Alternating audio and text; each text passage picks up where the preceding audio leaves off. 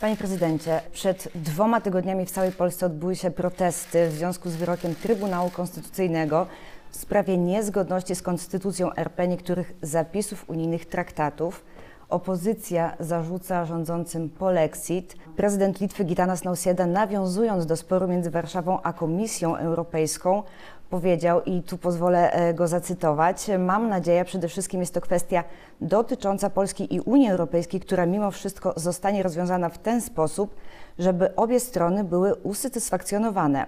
Na razie Polskę wsparły jedynie Węgry. Czy będzie Pan prosił o wsparcie prezydenta Gitanasa Nausiedę i czy w ogóle polexit jest możliwy?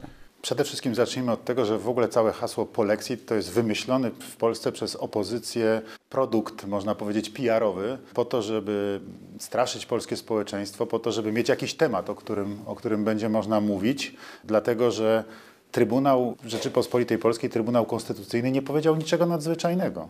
Kiedyś Polacy zdecydowali o tym, że Polska wchodzi do Unii Europejskiej, weszliśmy Związaliśmy się europejskimi traktatami i w tych traktatach jest przewidziane, że oddaliśmy część naszej suwerenności do decydowania w ramach Unii Europejskiej o pewnych kwestiach. I z tym się całkowicie zgadzamy i co do tego nie ma nikt wątpliwości.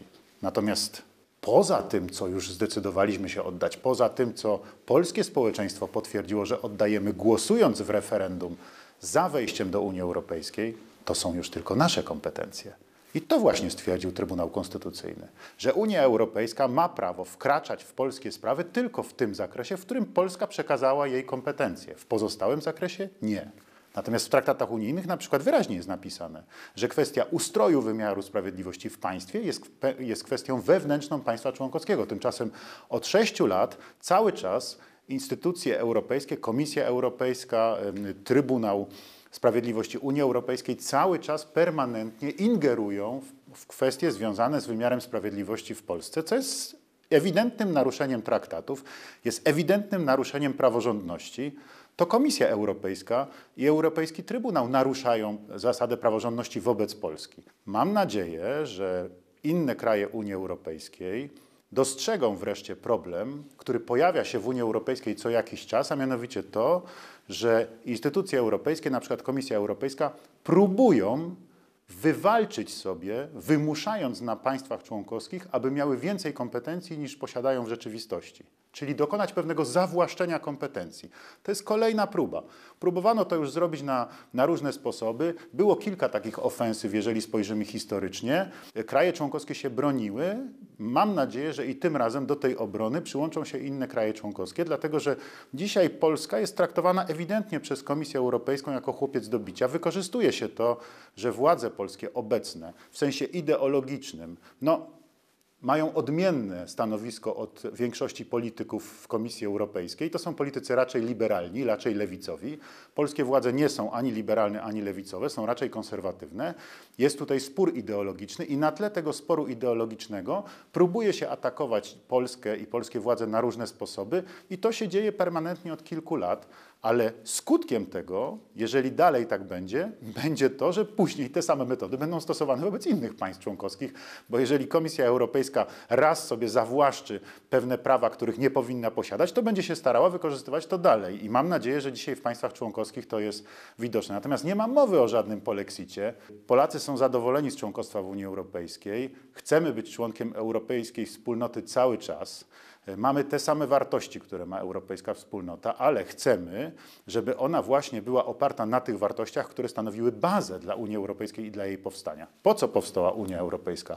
Powstała po to, by więcej nie było wojny, takiej tragedii jak II wojna światowa. Po to ojcowie Unii Europejskiej stworzyli tą wspólnotę, jako wspólnotę węgla i stali, jako wspólnotę gospodarczą, jako wspólnotę, w której miały się zacieśniać więzi gospodarcze, które miały w efekcie prowadzić do więzi między narodami a nie jako, jako twór, w którym będą narzucane nowe wzorce ideologiczne i, i, i, nowe tradycje nieznane w państwach członkowskich, nie będące w istocie tradycjami poszczególnych narodów. Pod tym względem e, właśnie w Unii gwarantowana była niezależność państw i narodów. Co ma Pan na myśli mówiąc e, ideologiczne wartości? No na przykład wartości o charakterze lewicowym, które w Polsce nigdy nie miały miejsca i które nigdy nie były przejmowane. Polska zawsze była krajem tolerancyjnym. U nas nigdy nie było, nie, nie było prześladowań na żadnym tle. U nas w krajach Unii Europejskiej były prześladowania y, ludzi na przykład y, o preferencjach homoseksualnych, natomiast nie w Polsce. W Polsce nie byli prześladowani, nigdy nie było prawa przeciwko takim osobom. U nas jest tolerancja, zawsze była, to jest, ale na zasadzie takiej, że to jest prywatna sprawa człowieka. Jego osobista preferencja, proszę bardzo, to co on robi y, w swoim osobistym życiu, w czterech ścianach swojego domu czy swojego mieszkania, to jest jego prywatna sprawa. Panie prezydencie, a strefy wolne od LGBT w Polsce? Ale to jest bzdura, panie redaktor, to jest y, kłamstwo. Nigdy czegoś takiego nie było. To jest jeden y, działacz y, LGBT, bardzo radykalny i bardzo agresywny, zrobił taką kampanię w internecie, fałszując rzeczywistość. To jest fake news. Nigdy nic takiego nie zostało w Polsce przyjęte. Nigdy w rzeczywistości nie było żadnej strefy wolnej od LGBT. To jest fake news. Całkowity potwarz dla Polski. Nigdy nic takiego nie miało miejsca. Owszem, samorządy przyjmowały uchwały o ochronie rodziny, ale przyjmowały uchwały o ochronie rodziny. Nie było żadnych stref. Panie prezydencie, w trakcie e, swojej wizyty na Cyprze oświadczył Pan, że jest napór na granice. Podejmujemy wszelkie środki, żeby te granice chronić, żeby nie powstał europejski kryzys migracyjny. Media donoszą, że na granicy, zresztą również na litewskiej, e, cudzoziemcy, migranci są wypychani z jednej strony na drugą stronę granicy. I czy Pan czuje wsparcie Unii Europejskiej i krajów partnerskich e, w tej sprawie i czy Panie prezydencie, my jako Europejczycy nie musimy spojrzeć na losy tych ludzi przez pryzmat wartości humanistycznych. My cały czas spoglądamy na kwestię uchodźstwa przez pryzmat wartości humanistycznych. Uchodźcy to są ci, którzy nie mają warunków do życia w swoim kraju, bo są prześladowani, bo jest wojna, bo mogą stracić życie.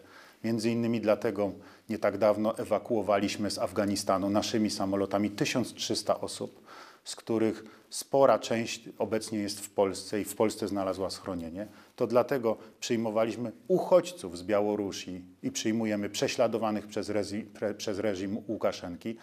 Dlatego nasze granice są otwarte. Dlatego cały czas można było przyjeżdżać do Polski y, i przyjeżdżali ludzie z Białorusi, przyjeżdżali ludzie z Ukrainy. Przecież my mamy prawie 2 miliony y, ludzi z Ukrainy, którzy przyjechali, którzy na co dzień żyją w Polsce, którzy w Polsce pracują, którzy jeżeli trzeba, to w Polsce otrzymują także pomoc, wsparcie. Jesteśmy krajem otwartym. Natomiast dzisiaj na naszej wschodniej granicy polsko-białoruskiej, zresztą podobny problem ma Litwa i podobny problem ma Łotwa, mamy kryzys migracyjny, który został wywołany nie przez kogo innego, tylko przez władze białoruskie. To władze białoruskie przyjmują y, do siebie, zresztą samolotami przylatują ci ludzie, migrantów z krajów Bliskiego Wschodu, a następnie kierują ich na granicę, najprawdopodobniej zapewniając im transport, a następnie dosłownie pchają ich na zieloną granicę polską. No można zadać pytanie, a dlaczego nie na przejścia graniczne? Dlaczego nie kierują tych ludzi na przejścia graniczne? Bo kierują ich w sposób ewidentny. Czemu kierują ich na zieloną granicę? Czemu kierują ich na przejścia nielegalne? To jest, to jest zasadnicze pytanie. Po to, żeby wywołać kryzys. Ten kryzys wywołany został z premedytacją przez reżim e, Łukaszenki i my się przed tym bronimy. To jest nasza odpowiedzialność nie tylko wobec polskich obywateli, czy litewskich obywateli e, na Litwie, czy, czy łotewskich obywateli na Łotwie. To jest także nasza odpowiedzialność przed innymi państwami członkowskimi Unii Europejskiej. To jest nasza odpowiedzialność przed innymi państwami strefy Schengen, ponieważ my mamy granicę Unii Europejskiej, my mamy granicę strefy Schengen, mamy obowiązek te granice strzec i realizujemy ten obowiązek nie dopuszczamy do nielegalnego przekraczania granicy Polski, Unii Europejskiej i strefy Schengen. I stajemy twardo wobec tego kryzysu migracyjnego, który z premedytacją jest wywoływany przez Łukaszenkę, mówiąc twardo nie dlatego że uważamy, że i nie mamy żadnych wątpliwości, że jest to próba wywołania kryzysu nie tylko w Polsce, na Litwie czy na Łotwie, jest to próba wywołania kryzysu w Unii Europejskiej. To jest zemsta Łukaszenki za sankcje, które Unia Europejska na niego nałożyła i naszym obowiązkiem jest nie dopuścić do tego, żeby taki kryzys powstał w Unii Europejskiej. Na razie on jest tylko na granicy, dlatego że my go trzymamy wspólnymi siłami. Kto jest odpowiedzialny za trudną sytuację tych ludzi? No pani redaktor, no ten, kto ich na tą granicę pcha, ten, kto im opowiada, żeby, że mogą tą granicę przekroczyć, ten, kto im mówi, zaraz za tą granicą są Niemcy, bo tak ci ludzie, który, którym udało się granicę przekroczyć, oni tak wyjaśniają, że Białorusini im mówili, że, że w tą stronę do Niemiec. Panie prezydencie, czy podpisze pan e, projekt ustawy dotyczący budowy muru e, pomiędzy Polską a Białorusią? My mamy obowiązek granicę zabezpieczyć. Mamy obowiązek zabezpieczyć ją tak, żeby to zabezpieczenie było skuteczne. Jeżeli eksperci dojdą do wniosku, że w istniejącej sytuacji tylko i wyłącznie mur, czy też dodatkowe wzmocnienie tam bariery elektronicznej przyniesie y, skutek w postaci rzeczywistych możliwości strzeżenia tej granicy, to będziemy musieli takie decyzje podjąć. I oczywiście podejmiemy je odpowiedzialnie jako państw, polskie władze. Proszę pamiętać, że proces ustawodawczy to jest najpierw projekt ustawy, który jest przedstawiany zazwyczaj przez rząd. Są sądzę, że będzie to projekt rządowy, głosuje nad tym parlament, a więc większość demokratycznie wybrana i dopiero wtedy trafia taki projekt do prezydenta. Jeżeli nie będzie tam niezgodności z konstytucją, to ja uważam, że kwestią bezpieczeństwa jest, za którą między innymi ja jestem odpowiedzialny, jest to, aby taka bariera skuteczna powstała.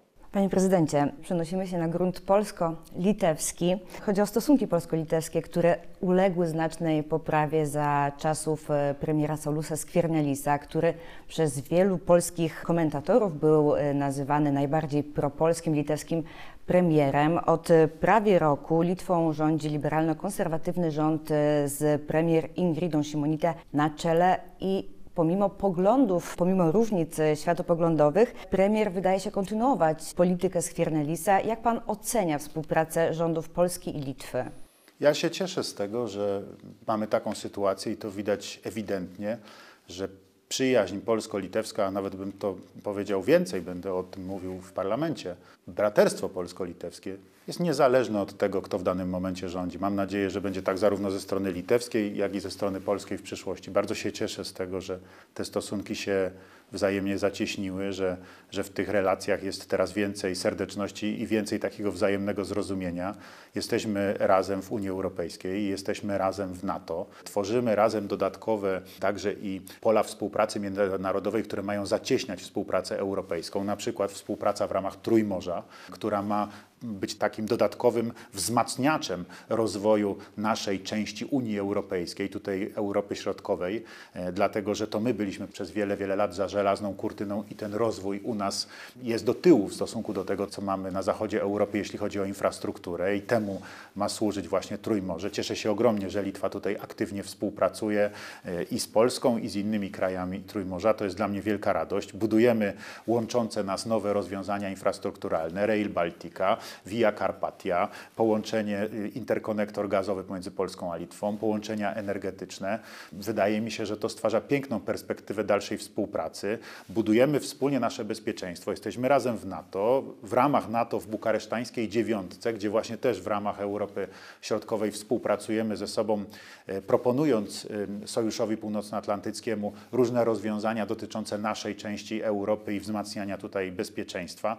Więc tych płaszczyzn współpracy bliskiej jest dzisiaj bardzo wiele i kontaktów także władz. Myśmy się, myśmy wczoraj z żoną tak liczyli, że nasze kontakty z parą prezydencką litewską, moje z panem prezydentem Gitanasem Nausedą są chyba najczęstsze w ogóle ze wszystkich prezydentów, więc cieszę się, że ta, że ta przyjaźń dzisiaj jest y, i cieszę się, że możemy też teraz w tych dniach być tutaj w Wilnie i mm, upamiętnić wspólnie te wzajemne zaręczyny narodów, które kiedyś miały miejsce y, przy Konstytucji 3 maja, które pokazywały pokazywały, że nie tylko, że potrafimy razem ze sobą żyć i osiągać wspólne cele ważne dla obydwu naszych narodów, dla obydwu naszych państw, ale przede wszystkim, że potrafimy tworzyć taką wielką, wielki, wielki twór europejski, który Unia Polsko-Litewska często się mówi, że była takim pierwowzorem Unii Europejskiej, nacechowany jak na owe czasy niesłychaną tolerancją, oparty na, na, na silnych, nowoczesnych podstawach prawnych, bardzo mocny przez długi czas, który no, byliśmy potęgą europejską wspólnie. To powinniśmy patrzeć na to i,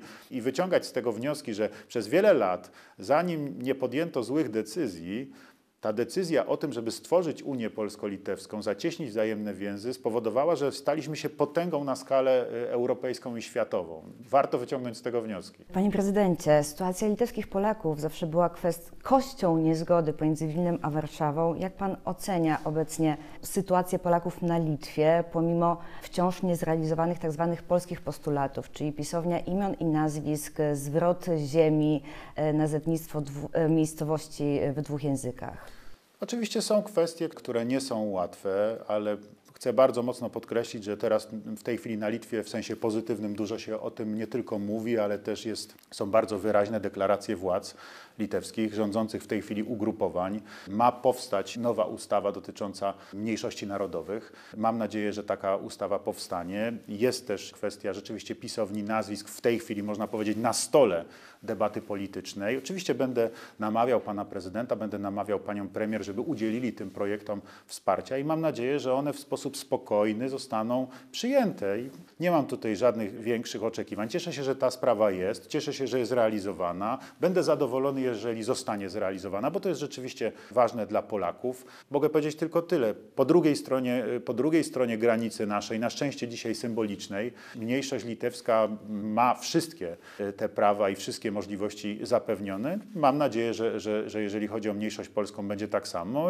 A bardzo mocno chcę podkreślić, że mam nadzieję, że mieszkający tutaj Polacy będą przede wszystkim lojalnymi obywatelami litewskiego państwa, bo to jest rzecz najważniejsza. Dziękuję panie prezydencie.